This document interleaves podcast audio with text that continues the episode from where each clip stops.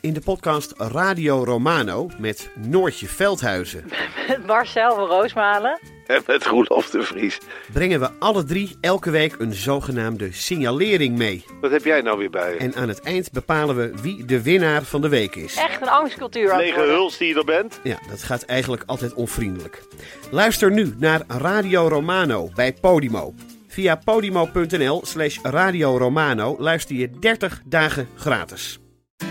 Luister jij al naar de podcast Co en Zo? Ik ben Rick Paul van Mulligen. Ik ben Nina de Lacroix. En samen met jouw man René voeden wij twee kinderen op in twee huizen. Co-ouderschap. We hebben het over alles wat je daarin tegenkomt. Maar ook over de juice tijdens onze kinderloze dagen, want die heb je ook in het co-ouderschap. Een podcast voor alle ouders in alle vormen, maar ook voor alle mensen zonder kinderen. Zijn we eerlijk, heerlijk herkenbaar. Dus luister naar Co en Zo in je favoriete podcast-app. Chris, Ja, voordat je begint moet je even iets eh, zeggen. oké, ja, ik moet even iets En zeggen. hou het kort. Oh ja, ik hou het kort. Heel goed. Ik zeg het. Ja. Oké. Ehm, dit is een speciale aflevering van Man met de microfoon. Hij klinkt iets anders en je gaat ja, eigenlijk, ja, nu vanzelf meemaken. Waarom? Daar gaan we.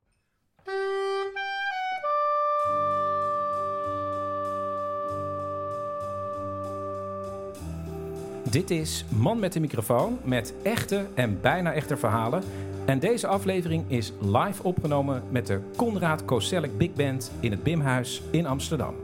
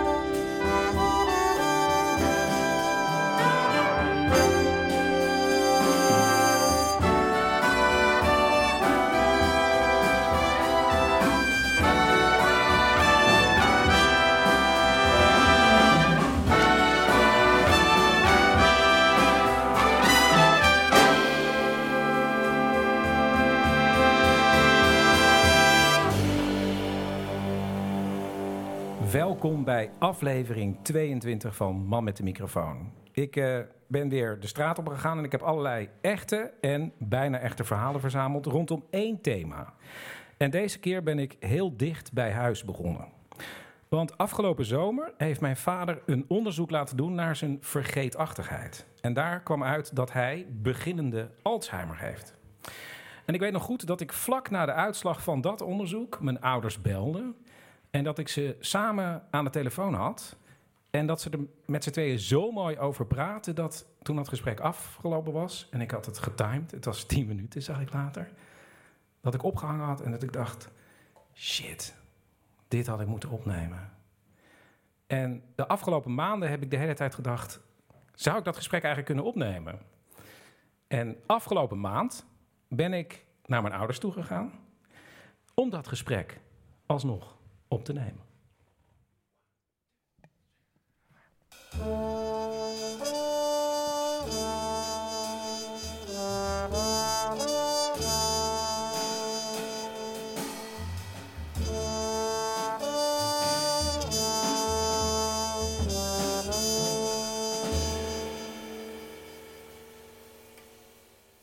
Afgelopen zomer, pap. Toch? Ja. Hebben jullie een onderzoek gehad? Of jij, heb jij een onderzoek gehad? Heb ik een onderzoek gehad? Ja. Ja, Vertel even.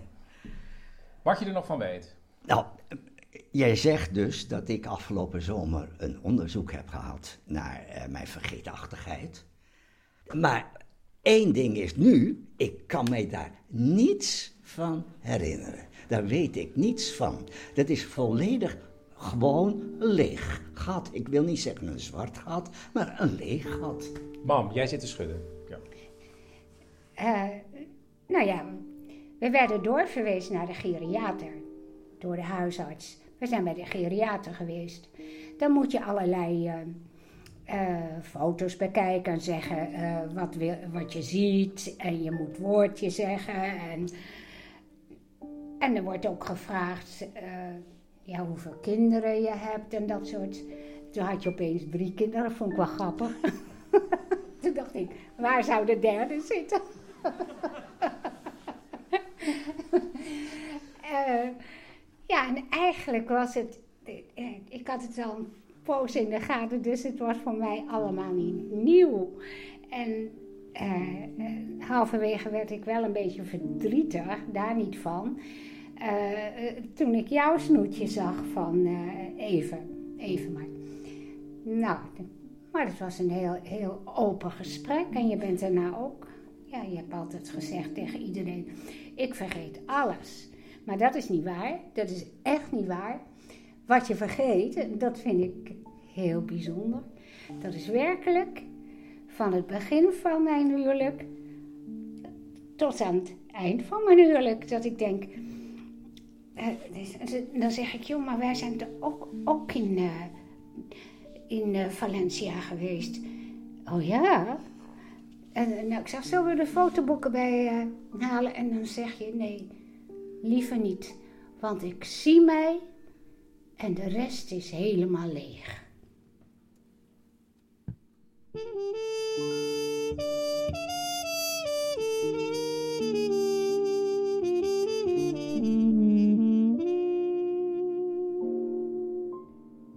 Als ik die fotoboeken zie, dan denk ik, hé, hey, ben ik daar geweest? Want ik, ik heb vroeger heel veel foto's gemaakt. Dus die foto's die in, die eh, boeken staan, die heb ik allemaal gemaakt. Maar ik herinner mij dan niet dat ik daar geweest ben en ook niet dat ik die foto's gemaakt heb.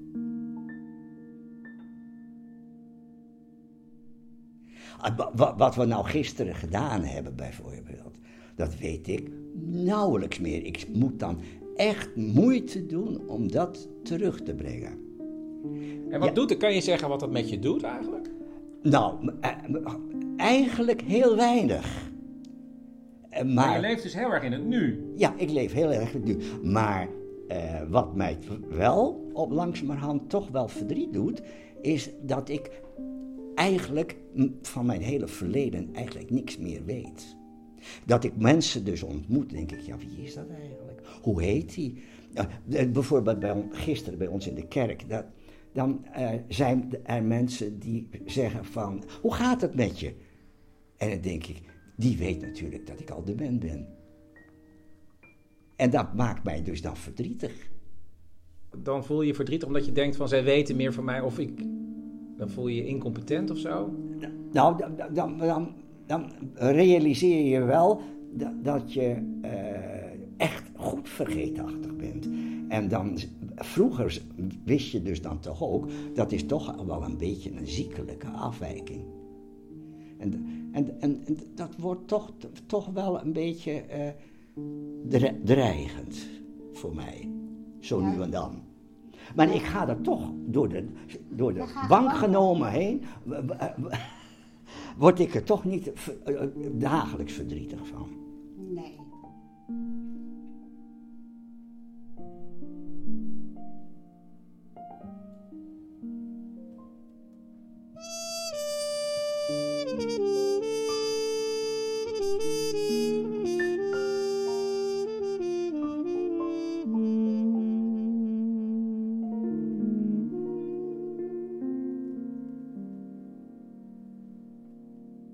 En, en daar moet ik nog eens over nadenken en ook eens over praten. Vroeger was ik een grote muziekliefhebber. Maar op een of andere manier luister ik heel weinig nog naar klassieke cd'tjes. Die doen mij niks meer. Da- daar denk ik nog wel eens aan. Ja, Maar je, je luistert sowieso minder muziek. Veel. ja, ja. Waarom? Ja, nou, het doet me niks meer. Je wordt er niet geëmotioneerd van of... Nee, nee. Of, of ik krijg er ook geen prettig gevoel bij. Want het is, muziek was gekoppeld aan een herinnering waarschijnlijk. aan een herinnering. En muziek roept, roept natuurlijk ook gevoelens op. En, en, als, en, en, en als, dat, als, die, als je dus die herinnering niet meer hebt, krijg je die gevoelens ook niet meer, denk ik dan.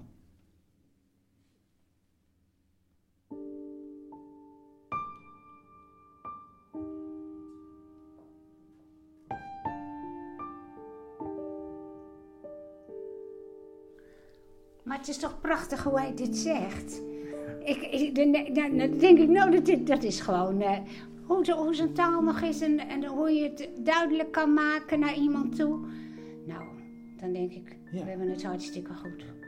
Het enige is dat jij verdrietig wordt omdat jij, pap, dus het hele huwelijk, eigenlijk alle herinnering van jouw huwelijk, dat is er niet. Nou, dus dat heb je allemaal in je eentje. Dat maakt jou natuurlijk verdrietig. Nou, verdrietig. Nee, niet verdrietig. Nee hoor, niet verdrietig. Want ik, ik weet wel mijn fo- fotoboeken. En dan denk ik, oh ja, wat was Maar dat je toch fijn met elkaar. Nee, je kan het niet meer delen. Nee. je kan het niet delen. Maar, ja, ik denk steeds, een ander heeft een, een, partner die, die, die aan de chemo moet. Nou, en, en, en ik heb dit en dan denk ik, jongen, jongen, ik prijs me hartstikke gelukkig. En we doen nog zoveel samen. En, Maar ik hobbel dus wel erg achter mama aan, die van allerlei dingen organiseert. En dan loop ik gewoon rustig mee. Ja, Nee, maar ik vind het, eh, het, eh, het lieve van jou, vind ik, dan eh, komt iemand naar je toe. Hallo Henk. En dan zie ik aan je van, ah, wie is het? En, en dan zeg ik, en, en- en- en dan hebben we heel afgesproken, dan moet je zeggen, ik ben het even kwijt. Wie ben je ook alweer? En dat doe je. ja. Maar, maar hoe, hoe de familie, al, al, al- als je nou concreet zou vragen, noem me even de kinderen van jou, jouw zuster, van mijn zuster. O- ook van Hans, weet je. Nou, van, van mijn broer Hans. Dan weet ik, weet ik ook niet de kinderen, nee, nee. En wie, wie zijn jouw kinderen? Eh, d- dat is Marijke en jij, Hans. Nee, Christian. Nou, goed. Ja. CJH, Christian Johan Herman. Thank you.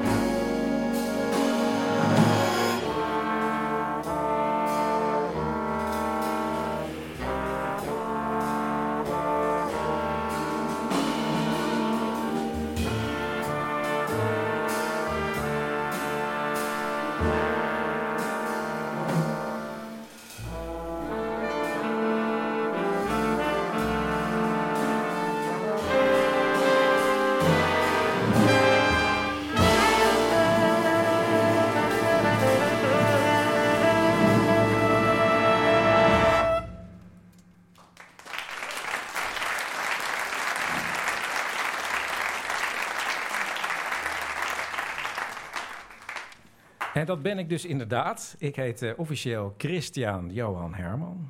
En eh, aan het eind van deze aflevering kom ik nog een keer terug bij mijn vader. En dat heeft alles te maken met de muziek waar hij niets meer bij voelt. Naar aanleiding van dit gesprek ontstond vanzelf het thema waar ik deze keer verhalen bij eh, ben gaan zoeken, namelijk vergeten. Hoe kan je leven veranderen als je belangrijke dingen vergeet te doen? Wat moet je doen om minder te vergeten? Kun je samen besluiten iets te vergeten? Kortom, ik ben in de bus gestapt en op zoek gegaan naar verhalen om niet te vergeten. Nu zit ik op schaatsles en dus heb ik daar ook in de groep gevraagd of er misschien iemand, iemand was die een verhaal had over vergeten. En toen kwam Bibi naast me schaatsen. Zij had misschien wel wat. Het gebeurde toen ze 19 jaar was. Ik uh, had net mijn rijbewijs. En ik was daar heel trots op dat ik dat in één keer had gehaald. En een neef van mij zei: Weet je wat, wij gaan een stukje rijden. En ik mag de auto van mijn moeder lenen. Nou, dat was een Fiat Panda. En uh, toen uh, gingen we naar Vlissingen.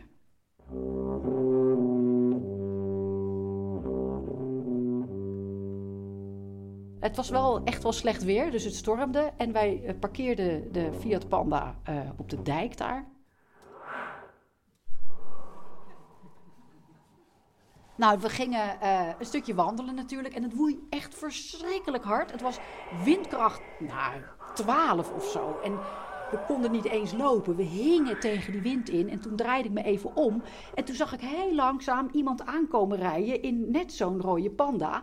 En toen keek ik nog beter. En toen dacht ik, hè, er zit helemaal niemand in die panda. Dus ik zei tegen die neef, hé, daar komt de rode panda aanrijden, maar er zit helemaal niemand in. En toen zei ja, maar dat is onze panda. Oh, en toen zagen we hem zo over die basaltblokken stuiteren, zo de Westerschelde in. En dat pandatje begon weg te drijven.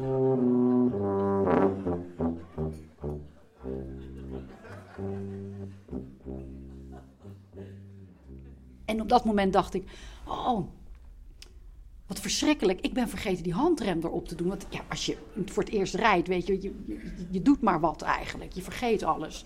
Dus ik was me, maakte me heel erg zorgen. Het was de auto van zijn moeder en hij was in alle staten. En ik was in alle staten. En de brandweer kwam. En er kwam een takelwagen. En die Fiat Panda werd uh, uit de Westerschelde uh, getakeld. En er stonden allemaal mensen omheen. En dat was in de periode dat er een reclame was van uh, je blijft lachen met een panda.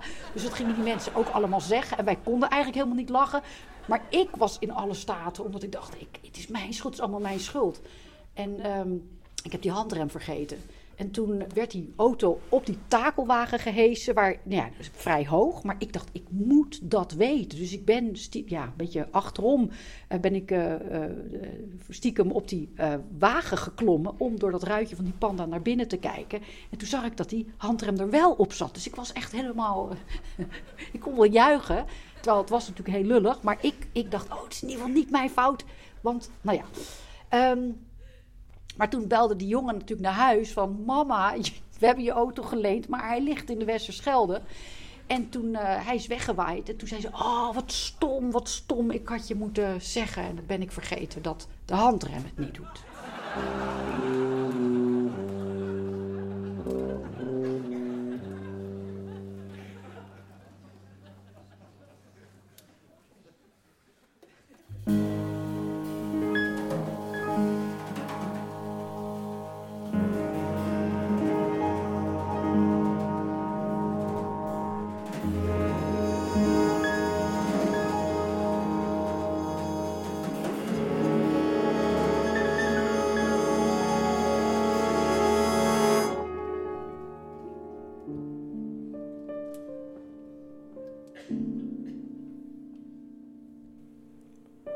Om de hoek van mijn huis zit een winkel van het Leger des Heils waar ze tweedehands spullen verkopen.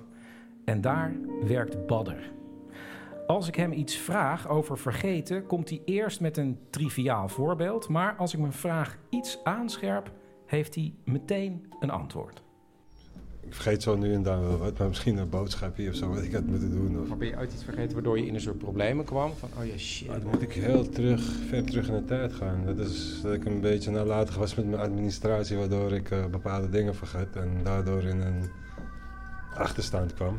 Hoe kwam dat? Ja, ik zag uh, door de bomen de bos niet meer, om het zo te zeggen. Ja. Dus uh, ik had een beetje moeite met mijn Het verhaal van de opgestapelde administratie begint een paar jaar eerder. Badder is 20 en heeft spaargeld opzij gezet om een eigen zaak te beginnen in import en export. Hij woont dan samen met zijn jongere zus en broer bij zijn moeder. En zijn moeder was. Ja, was een toppersoon. En uh, zorgde dat uh, de kinderen niks tekort kwamen. Was een hardwerkende vrouw, een lieve vrouw, ja, zorgzaam. En... Ze had twee baantjes, dus uh, ze die begon om. Bij wijze van om half zeven, kwart voor zeven begon ze. En dan was ze om één uur klaar. En dan moest ze van de ene plek weer naar de ze deed een ziekenhuis schoonmaken, het AMC. En daarna deed ze basisschool en daarna ze de ziekenhuis deed. En dat deed ze, ze werkte zeven dagen per week. Maar alles voor de kinderen, zorgen dat ze niks tekort komen en uh, toch naar school kunnen gaan, op vakantie kunnen gaan. En hetgene wat, ze, ja, wat zij vonden dat wij uh, hoorden te krijgen, dat kregen wij ook, zeg maar. Dus ja, wat een goede moeder, kwamen niks tekort. Ja. In de zomer vertrekt zijn moeder met zijn jongere broer naar Marokko om daar vakantie te vieren.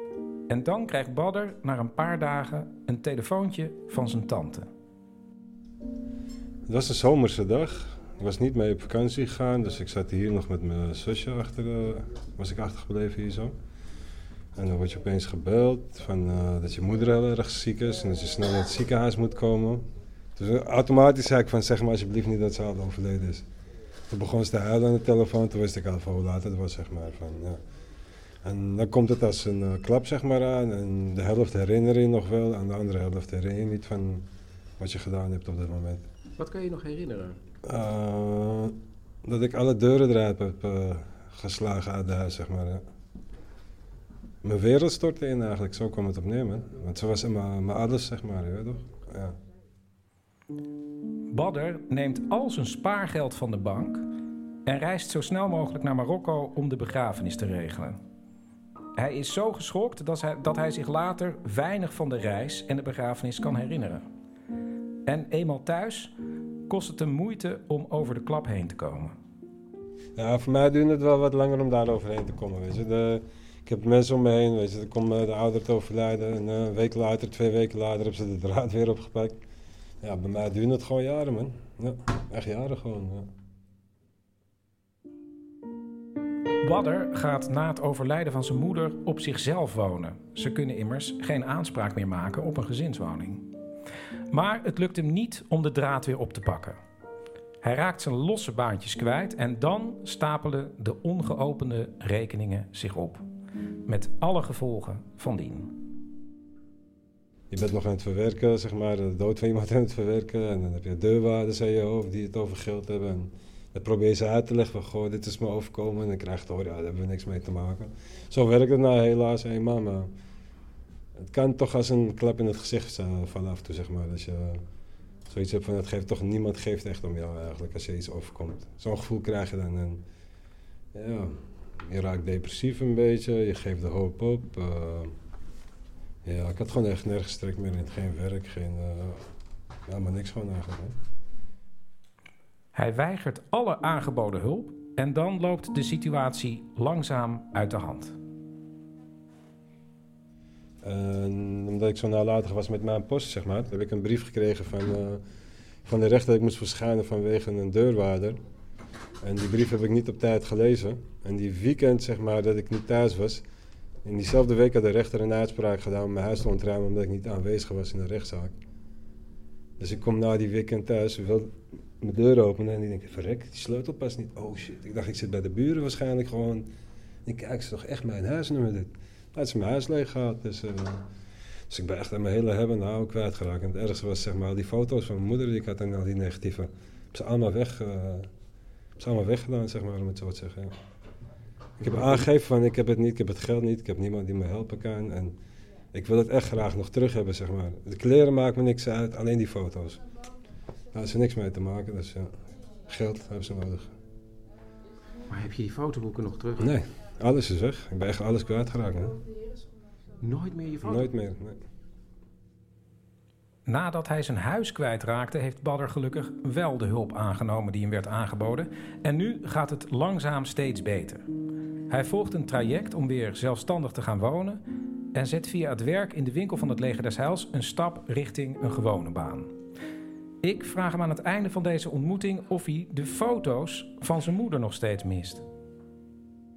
Uh, niet meer zo erg als toen. Ik heb het al uh, een plek heel lang gegeven. Die, uh, de belangrijkste foto's zitten in mijn geheugen gegraveerd. Dus, ja. Wat zijn die foto's die in je hoofd staan? Ehm, ja, van mijn moeder dat ze heel blij en vrolijk op een foto staat. In het park bijvoorbeeld, of op de werk, of met een collega, of met familie, of met ons. Gewoon foto's waar ze heel vrolijk op staat, zoals ze eigenlijk altijd al was, zeg maar. springlevend en energiek, lief. Ja, als ik eraan denk, dan zie ik die foto uh, gewoon voor me, zeg maar, als het ware. Ja. Heb je het gevoel dat je moeder nu ook nog een beetje bij je is? Ja, sowieso. Ik bedoel, uh, onze paarden zijn heel eventjes hier op deze wereld uh, gescheiden. Maar dus ooit zullen we elkaar weer zien. En dat geldt voor iedereen, denk ik.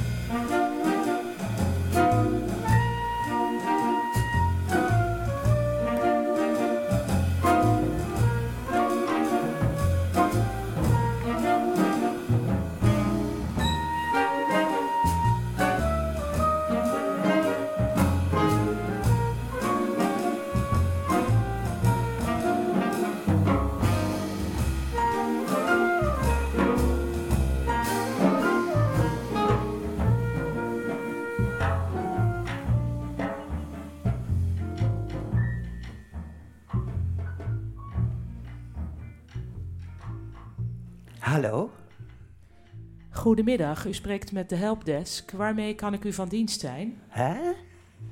Waarmee kan ik u van dienst zijn? Maar u belt mij toch? Nee, u heeft ons gebeld en dan wordt u automatisch teruggebeld. Dat is dus nu. U bent automatisch teruggebeld. Maar ik heb niet gebeld. Het kan natuurlijk even geleden zijn dat u heeft gebeld, maar u wordt automatisch teruggebeld. Uh, maar waar gaat dit dan over? Ik kan op mijn scherm alleen zien dat u gebeld heeft met een vraag van technische aard. En u wordt automatisch teruggebeld. En dan gaan we ervan uit dat de klant zelf weet waar het over gaat. Maar ik. Er staat dus wel bij dat het van technische aard is. Uh, maar ik heb niemand gebeld. Ja, het kan natuurlijk even geleden zijn. Uh, uh, wat is even geleden? Hoe lang geleden dan? Dat zie ik niet op mijn scherm. Maar hoe lang kan het in praktijk geleden zijn? We hebben het meestal over een paar uur, maar in voorkomende gevallen kan het ook een paar weken zijn of zelfs een paar maanden. Ah, dus het kan dat ik maanden geleden ergens over gebeld heb en dat ik daar nu over word teruggebeld? In theorie wel, ja. Uh, maar in praktijk dus ook? Theoretisch kan het in de praktijk ook, ja. Oh, maar dat ben ik dan toch al lang vergeten. Hoe, hoe kan ik nou weten waar ik over gebeld heb? Is er misschien iets van technische aard waarvan u denkt dat werkt niet of dat klopt niet? Want ook als u het zich niet herinnert, dan kan het natuurlijk heel goed dat het probleem er wel degelijk nog is. Op die manier kunnen we aan de hand van een huidig probleem de voormalige hulpvraag reconstrueren. De voormalige hulpvraag? Is er nu iets van technische aard waar u hulp bij kunt gebruiken? Uh, nou ja bij alles van technische aard kan ik hulp gebruiken. Uh, het enige wat ik hier in huis snap is de oven. Uh, maar de rest, dat gok ik maar zo'n beetje. Uh, zelfs de wasmachine is een soort computer. Ik kan dat soort dingen niet, weet u. Hmm, ja. Dus het kan dat dat de hulpvraag is geweest? Nou, er staat mij dus niets van bij. Dus wie weet wat die hulpvraag is geweest.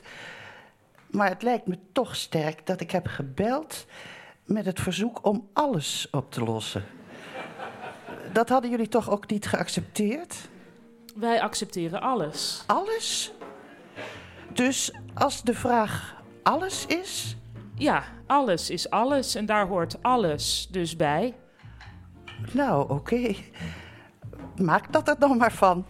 Ik wil hulp bij alles, want ik snap niks. Oké, alles, uh, snapt, niets. Ik zet er wel bij van technische aard, anders klopt het niet meer met de voormalige hulpvraag. Prima. Even toevoegen aan het dossier F5, F8. Mevrouw, het staat erin. Nou, wat heerlijk. Dus er komt hulp.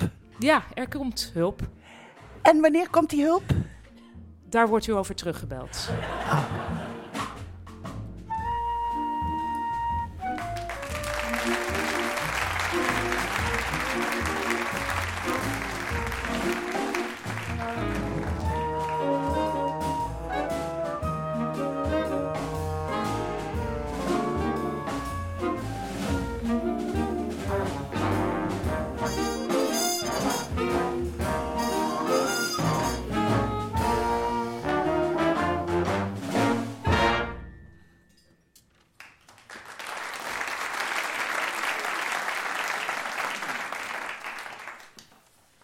Er zijn inmiddels in de buurt een paar bekende mensen met wie ik altijd even een praatje maak. En daar is Wil er één van. Wanneer ik zie dat ze bij het inparkeren van haar auto het nummerbord van de auto achter zich eraf rijdt, help ik haar even dit bord achter de ruitenwisser van de getroffen auto te leggen. En ik vraag haar of ze een verhaal over vergeten heeft. Kom maar langs, zegt ze.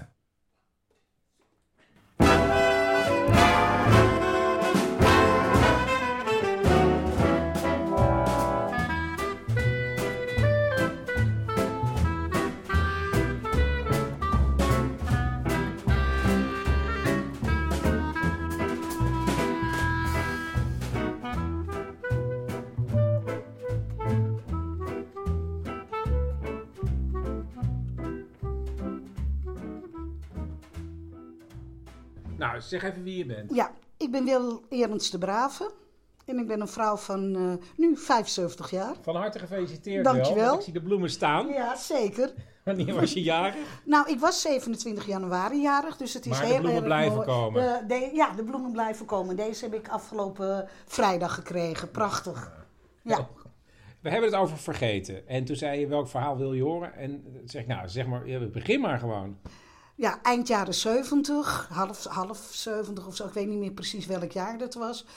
Uh, we woonden aan de Tugelenweg en we hadden een oliekachel in plaats van een gaskachel, omdat mijn man uh, dat uh, ja, veiliger vond, eigenlijk een oliekachel. Nou, wij, mijn meisjes zaten op wedstrijd zwemmen en wij kwamen terug van hun training. En ik ging de keuken in en mijn man die zegt van ik ga even de kachel aansteken. En dat deed hij dus. En toen wilde hij eigenlijk gaan kijken omdat hij dacht dat uh, de kachel niet brandde. En ineens een vuurbal en de kachel sprong uit elkaar vandaan. En we hebben gewoon geluk gehad dat ik de schuifdeur niet dicht had. En als ik kook, heb ik altijd een raam open of een deur open. Dit, in dit geval was het het raam. Zodat die klap de, uh, de deur uit, of het raam uit kon gaan. Nou, de buren verderop hebben het dus wel gehoord. En ineens, maar ik heb het dus niet gehoord, want die klap ging langs mij heen, omdat het raampje open stond. En ik hoor mijn man ineens zeggen van, uh, nou, ik uh, ga even naar het ziekenhuis. Ik denk, waarom moet hij nou naar het ziekenhuis? Dus ik loop de keuken uit en ik zie ineens overal bloed liggen. En mijn uh, dochtertje, die zat aan de tafel en die zegt, mam, papa bloed. En die, is, en die is de deur uitgelopen. Dus ik heb gezorgd dat de kinderen bij de buren waren. Ik ben hem achterna gerend. En toen zei iemand al, uh, hij is naar het ziekenhuis. Hij heeft een auto uh, aangehouden en hij is naar het ziekenhuis toe gegaan. Dit is natuurlijk een mooi verhaal, maar ik moet toch een beetje streng voor Wil zijn. Wat heeft dit met het thema vergeten te maken? Omdat uh, jij, hebt het, jij vraagt aan mij: heb jij iets voor een thema vergeten? Wij zijn dat bewust, of wij hebben dat bewust in een doofpot gedaan. Omdat mijn man zo verschrikkelijk uh, uit zijn doen is geweest daarna. Hij is ook echt uh, bij, een, bij een psycholoog ook terechtgekomen hierdoor. Weet je, en daardoor hebben we gezegd, we doen het in de doof... Of eigenlijk is het automatisch in de doofpot gegaan... en hebben we er nooit meer over gesproken. En daardoor, omdat jij vraagt wat wil je vergeten, of wat is er vergeten, nou dat is dit verhaal dus. Je hebt het er nooit meer over gehad? We hebben het er nooit meer over gehad. Nooit meer. Mijn man die is zo ziek geweest ervan, door al dat glas wat in zijn lijf zat. En zo overspannen, dat volgens mij heb je drie of vier jaar bij een psycholoog gelopen. Daar had hij het er wel over? Uh, dat weet ik niet. Ik weet nooit waar ze over gesproken hebben. Maar misschien zaten er ook nog wel andere dingen van hem. Want hij is natuurlijk voor de oorlog geboren. En in zijn jonge leventje, toen hij dus uh, kind was, is hij ook een keertje dood, bijna doodgeschoten omdat hij uh, kolen had gejat. En was hij bijna doodgeschoten op, bij Bikkers eiland, dat hij daar over het ijs liep met, met kolen. Was hij bijna doodgeschoten. Aan de andere kant stond de mof en die stond hem op te wachten en heeft die kolen afgepakt van hem.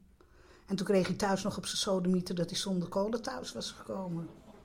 Dus weet je, dus bij hem zat na die ontploffing, zat er waarschijnlijk veel meer trauma met alles. Dat dat van de oorlog ook allemaal naar voren kwam. En dat hij daarom ook misschien zo lang bij de psycholoog heeft gelopen.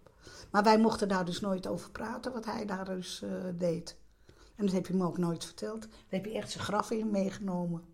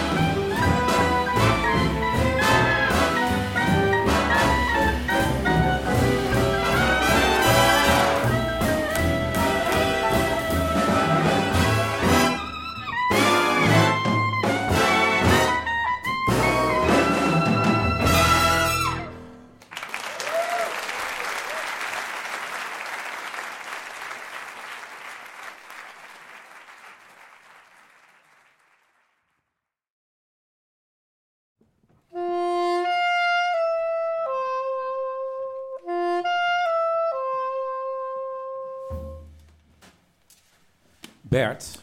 Chris. En, hoe ging het? Hmm, nou. nou, oh ja, even voor de mensen thuis.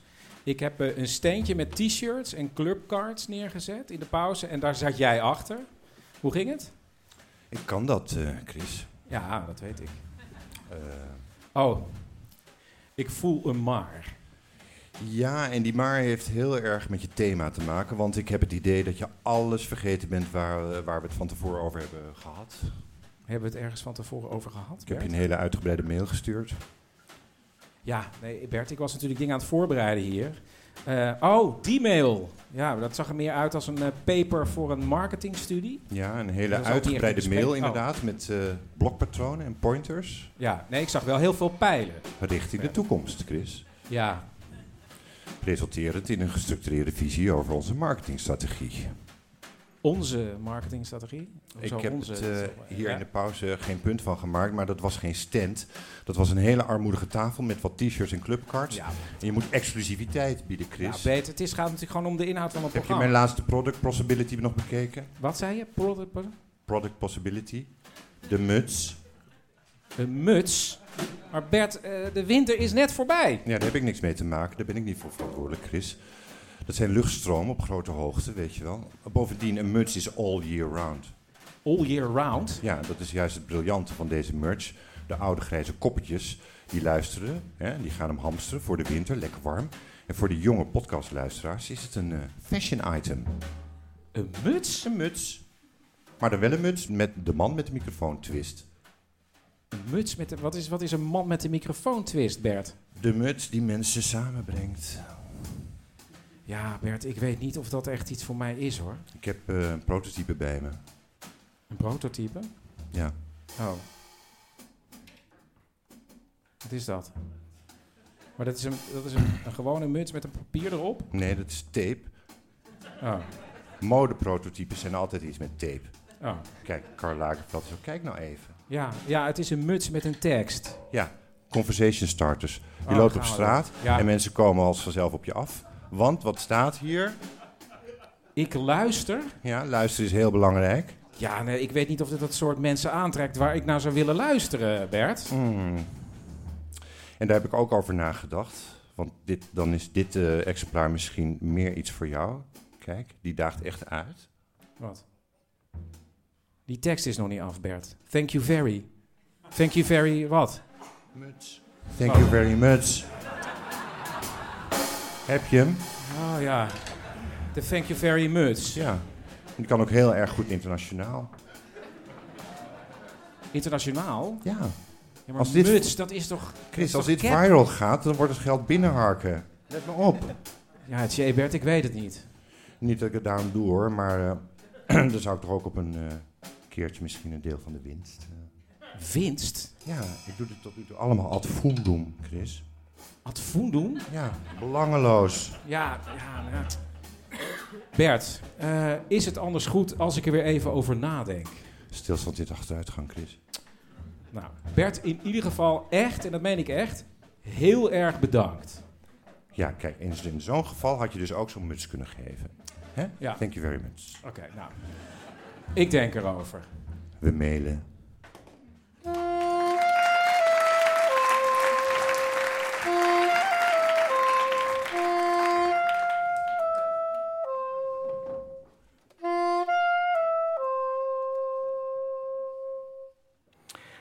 Een van de meest bijzondere mensen die ik tijdens het maken van Man met de microfoon heb ontmoet is Raaf. Een sociaal werker in de buurt die de wereld altijd net op een andere manier bekijkt en benadert dan ik. En dat doet hij al van jongs af aan.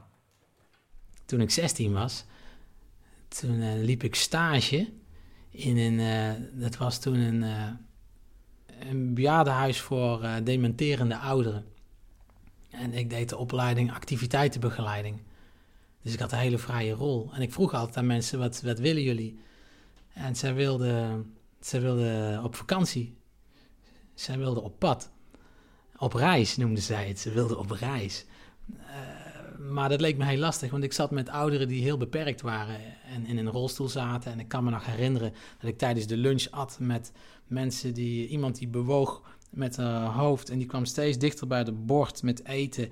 En als ze net voordat ze het eten raakten, haalden we het hoofd weer omhoog en dan begon het weer opnieuw. Dus met die mensen ging ik op reis. Dus ik vond dat we eerst een proefreisje moesten doen. Toen hebben we een proefreisje om het dorp gedaan. Het was in Brabant, in Eerde. Eh, bus geregeld. Iedereen erin. En om het dorp gereden.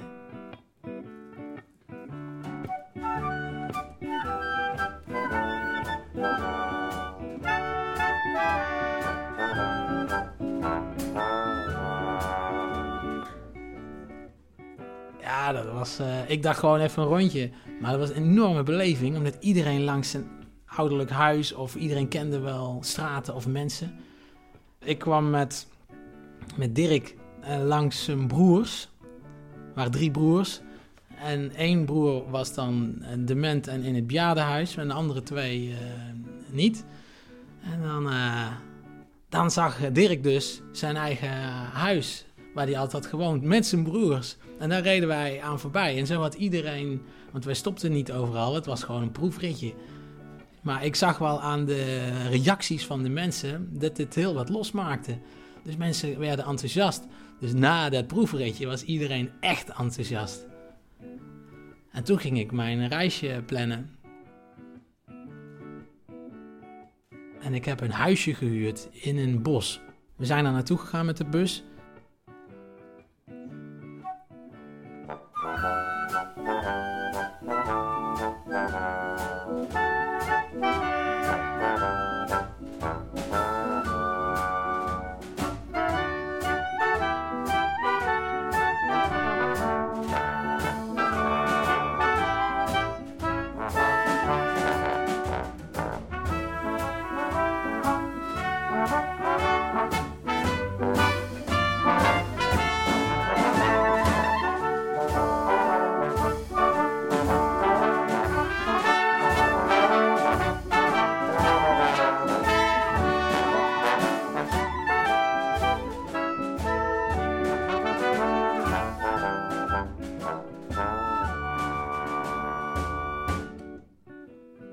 En toen we daar aankwamen, bleek dat huisje op een heuvel te liggen.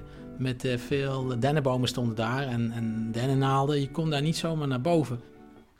Dus die rolstoelen, die, dat ging helemaal niet. Dus wij hebben de mensen toen op bagagekarren gelegd.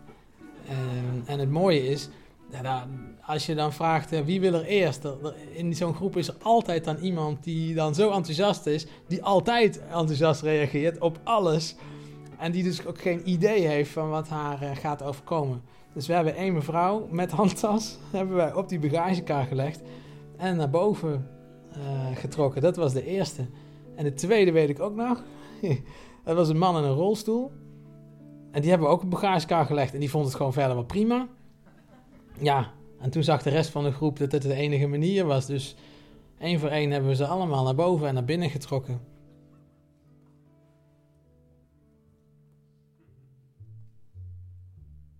En eenmaal in het huisje zag ik dat er heel veel gebeurde met die mensen. Omdat ze niet meer die context van het bejaardenhuis hadden. ehm, moesten, ze zaten gewoon in een huis en zij gingen dingen zelf doen. Mensen die gemalen voedsel aten, die gingen gewoon boterhammen smeren.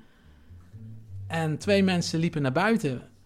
Ik, en die ene ging aan een boom schudden en de andere keek omhoog van waar de eekhoorn zou vallen. Dus twee mensen die met dezelfde activiteit bezig waren, die normaal gesproken ja, helemaal in zichzelf gekeerd waren. En helemaal sterk werd het toen we een huifkar hadden we gehuurd. We gingen een huifkarrentocht doen met z'n allen. En eh, een van die mannen, die ging op de bok zitten. En die heeft ja, zijn leven lang met paarden gewerkt. Dus die, eh, die nam het daar helemaal over. Terwijl hij in het bejaardenhuis alleen maar op een stoel zit en weinig zegt en weinig deed. Dus dat, ik vond het heel bijzonder om te zien.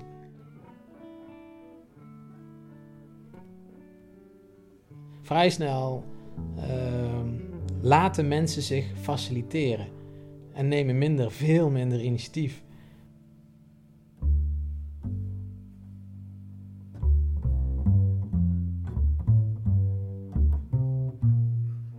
Ik denk dat alles om je heen een appel op je doet.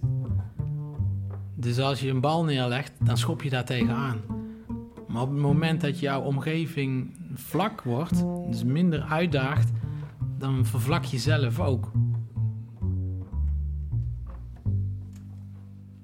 Wij waren van elkaar afhankelijk en ieder pakte eigenlijk zijn, zijn rol. En bij sommigen was dat een hele vrije rol, maar eh, er gebeurde wel iets, ja, wat normaal niet gebeurde.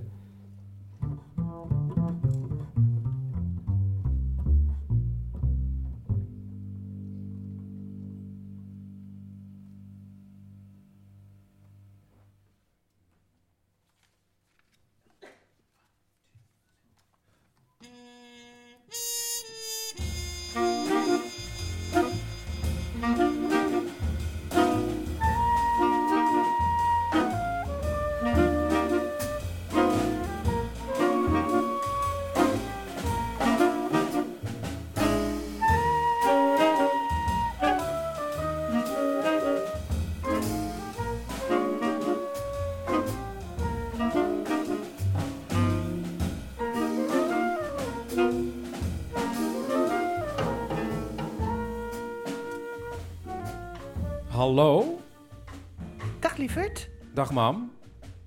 Ben jij ook gebeld door de helpdesk? Welke helpdesk? Ja, ik weet het niet. Eh, dat zeiden ze geloof ik niet. Het was een mevrouw van de helpdesk. Oké, nee. Ik ben eh, niet gebeld door de helpdesk, mam. Nou ja, het kan ook zijn dat ze je wel gebeld hebben, maar dat je dat niet weet. Oh. Want ik heb dus zelf blijkbaar eerder met de helpdesk gebeld, maar dat wist ik ook niet meer. Nou, ik ben bij mijn weten niet gebeld door de helpdesk. Oké. Nou ja, dan weten we dus eigenlijk nog niks, behalve dat je niet zeker wel bent gebeld. Ja, wat wilde de helpdesk van je? Ja, die wilde weten wat de hulpvraag was. Maar dat wist ik dus ook niet meer. Mam, ze hebben toch niet om je bankrekening gevraagd, hè? Nee, lieverd. Je telefoonnummer? Nee, ze belden me dus, dat hadden ze al. Je ISBN? Of hoe heet dat? Je, je, je digidinges? Je, wat dat, eh, Nee, nee, nee, nee, nee, ook niet mijn eh, BSN. Eh, ik ben ook niet gek. Ik weet heus wel wat phishing is. Oké, nou, heel goed. Heel goed. Mam, nooit informatie geven. Ja? Nee, nee, nee, nee, dat weet ik. Maar, maar lievertje, weet jij dan wat dan ooit mijn hulpvraag is geweest? Ja, nou, ik zou eh, wel het een en ander kunnen verzinnen. Maar ik eh, weet niet of je die dingen zelf ook als je hulpvraag zou zien. Eh, dus ja, nee. Dus jij hebt mij niet horen zeggen van... ehm, ik snap niks van puntje, puntje, puntje. Dus, dus ik heb de hulp, helpdesk maar gebeld. Dat ik snap niets van puntje, puntje, puntje. Ja, dat wel, maar de rest niet. Nee, ik wist niet eens dat jij wist wat een helpdesk was. Ja, het blijft toch curieus. Nou ja, maar als je vergeten bent wat de oorspronkelijke vraag was, dan zal het wel niet zo belangrijk zijn geweest, toch? Ja, dat vind ik te makkelijk. En, en trouwens, die mevrouw van de helpdesk, die zei... is er nu misschien iets waar u hulp bij nodig heeft? Nou. Ja. Dus ik zeg, nou, bij alles. Eh, ik snap niks van alles hier in huis. Nou, en toen heeft die mevrouw dat genoteerd. Dat je hulp moet omdat je niks van alles weet. Ja, nou ja, wel hulp van technische aard dan. Want anders paste het niet in het systeem. En eh, gaan ze je nu helpen met alles? Ja, dat is wel de bedoeling, ja. Nou, wat heerlijk, mam. Hè, de verzorgingsstaat werkt. We zijn nog niet verloren. Holla die. Nou, het is alleen wel alweer een paar dagen geleden dat die mevrouw belde. Dus wanneer er dan hulp komt, is nog een beetje de vraag. Dat hebben ze niet gezegd. Nee. Eh, daar moeten ze nog over terugbellen. En dus. Nou ja, lieverd. Eh, ik denk, eh, voor er dan eindelijk iemand is, dat kan ook weer maanden duren. Hè? En waarschijnlijk ben ik tegen die tijd al lang weer vergeten waar het überhaupt over ging. Dus als jij nu even een paar dingen kan komen ophelderen, vooral met de wasmachine en de iPad, dan eh, hoeven we verder ook geen beroep te doen op de samenleving. Hè? Ik kom aan het einde van middag langs, mam. Ach, mooi lieverd. Ik heb een hele lekkere soep voor je gemaakt.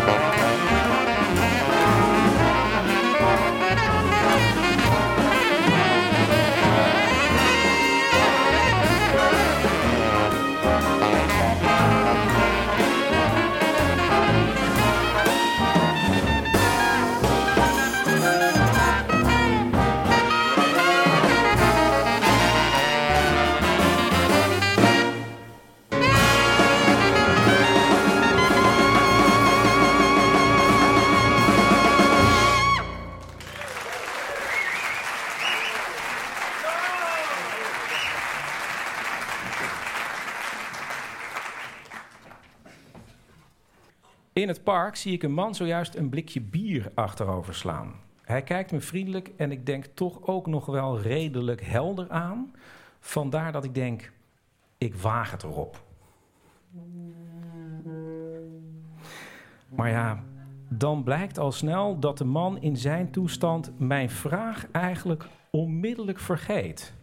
Maar dat hij ook wel dapper doorgaat om het gesprek op gang te houden. Of nou ja, gesprek, een monoloog eigenlijk.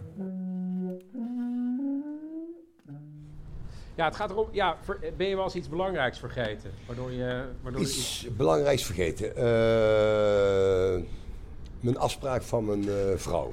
Mijn liefde. En wat voor een afspraak was Eh, dat was eh, ja, eigenlijk eh, de tijd dat ik daar zou zijn. Zat ik eigenlijk nog in het eh, andere magazijn van het eh, Levende Lijf. Nou ja, goed. Wacht even, dit is allemaal te veel te cryptisch. Je Ja. was bij een andere vrouw. Ja. En dat noem jij het, het Nee. andere magazijn van het levende lijf? Ah, nee, maar kijk, nou we hebben echt een eh, Baby of the Love Parade eh, tegenover staan. En die is al drie keer getrouwd wereldwijd. Nederland, Engeland, Amerika.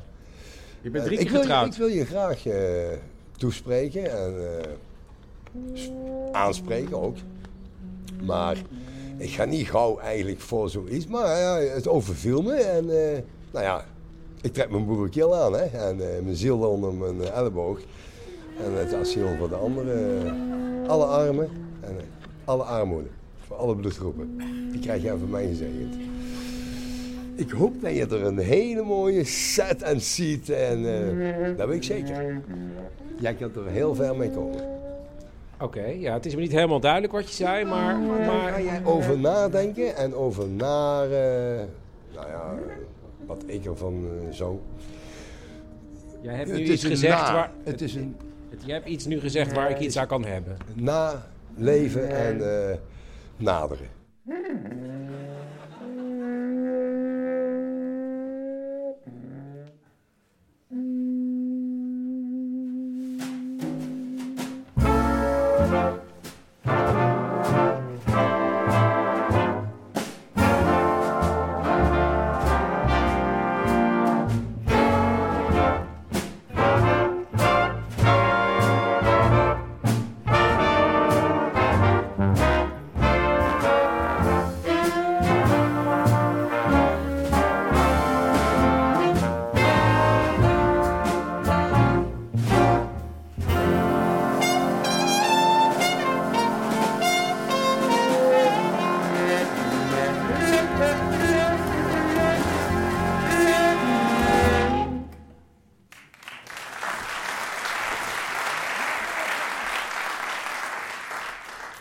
Na het eerdere gesprek bij mijn ouders over de vergeetachtigheid van mijn vader, bleef ik de hele tijd in mijn hoofd zitten met de muziek die hij bijna niet meer luistert. En ik dacht, volgens mij moet er iets te vinden zijn waar hij nog wel iets bij voelt. Vandaar dat ik afgelopen week nog een keer bij hem langs ben gegaan. Hij loopt. Ja. Pap, ga maar zitten. Weet je nog dat ik dit opgenomen heb?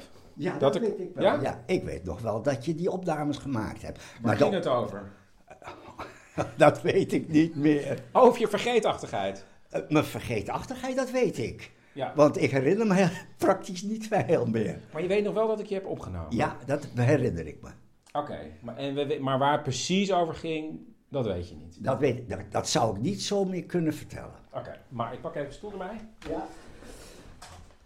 Wat namelijk een beetje atypisch was, vond ik, dat je zei dat je niet meer op muziek aansloeg eigenlijk. Oké, maar nu heb ik iets gevonden dat ik denk, ja, ik moet toch iets vinden waar je misschien nog wel Mhm. op aansluit. Dus dan heb ik nu dit, zet hem op. En je moet maar even zeggen of het, of het iets met je doet.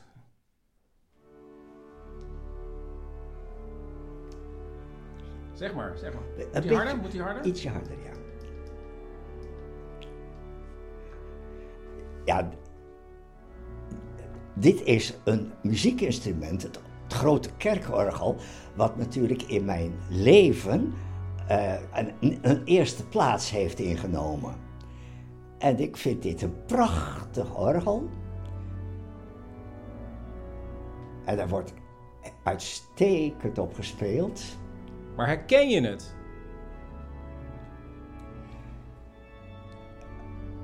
Ik, ik, kan daar... Ik kan niet zeggen dat ik dit eerder gehoord heb. Wacht nog even. Als je mee kan zingen, mag je meezingen.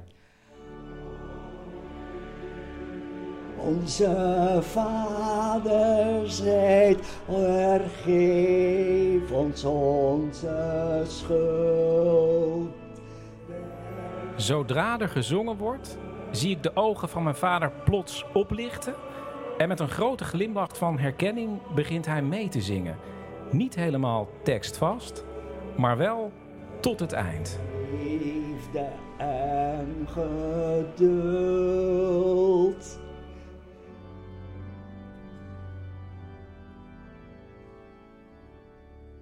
Dit zijn melodieën die in mijn leven in de kerk bijna wekelijks of twee, drie wekelijks we- werden die gezongen. Dus die melodieën zitten erin geramd.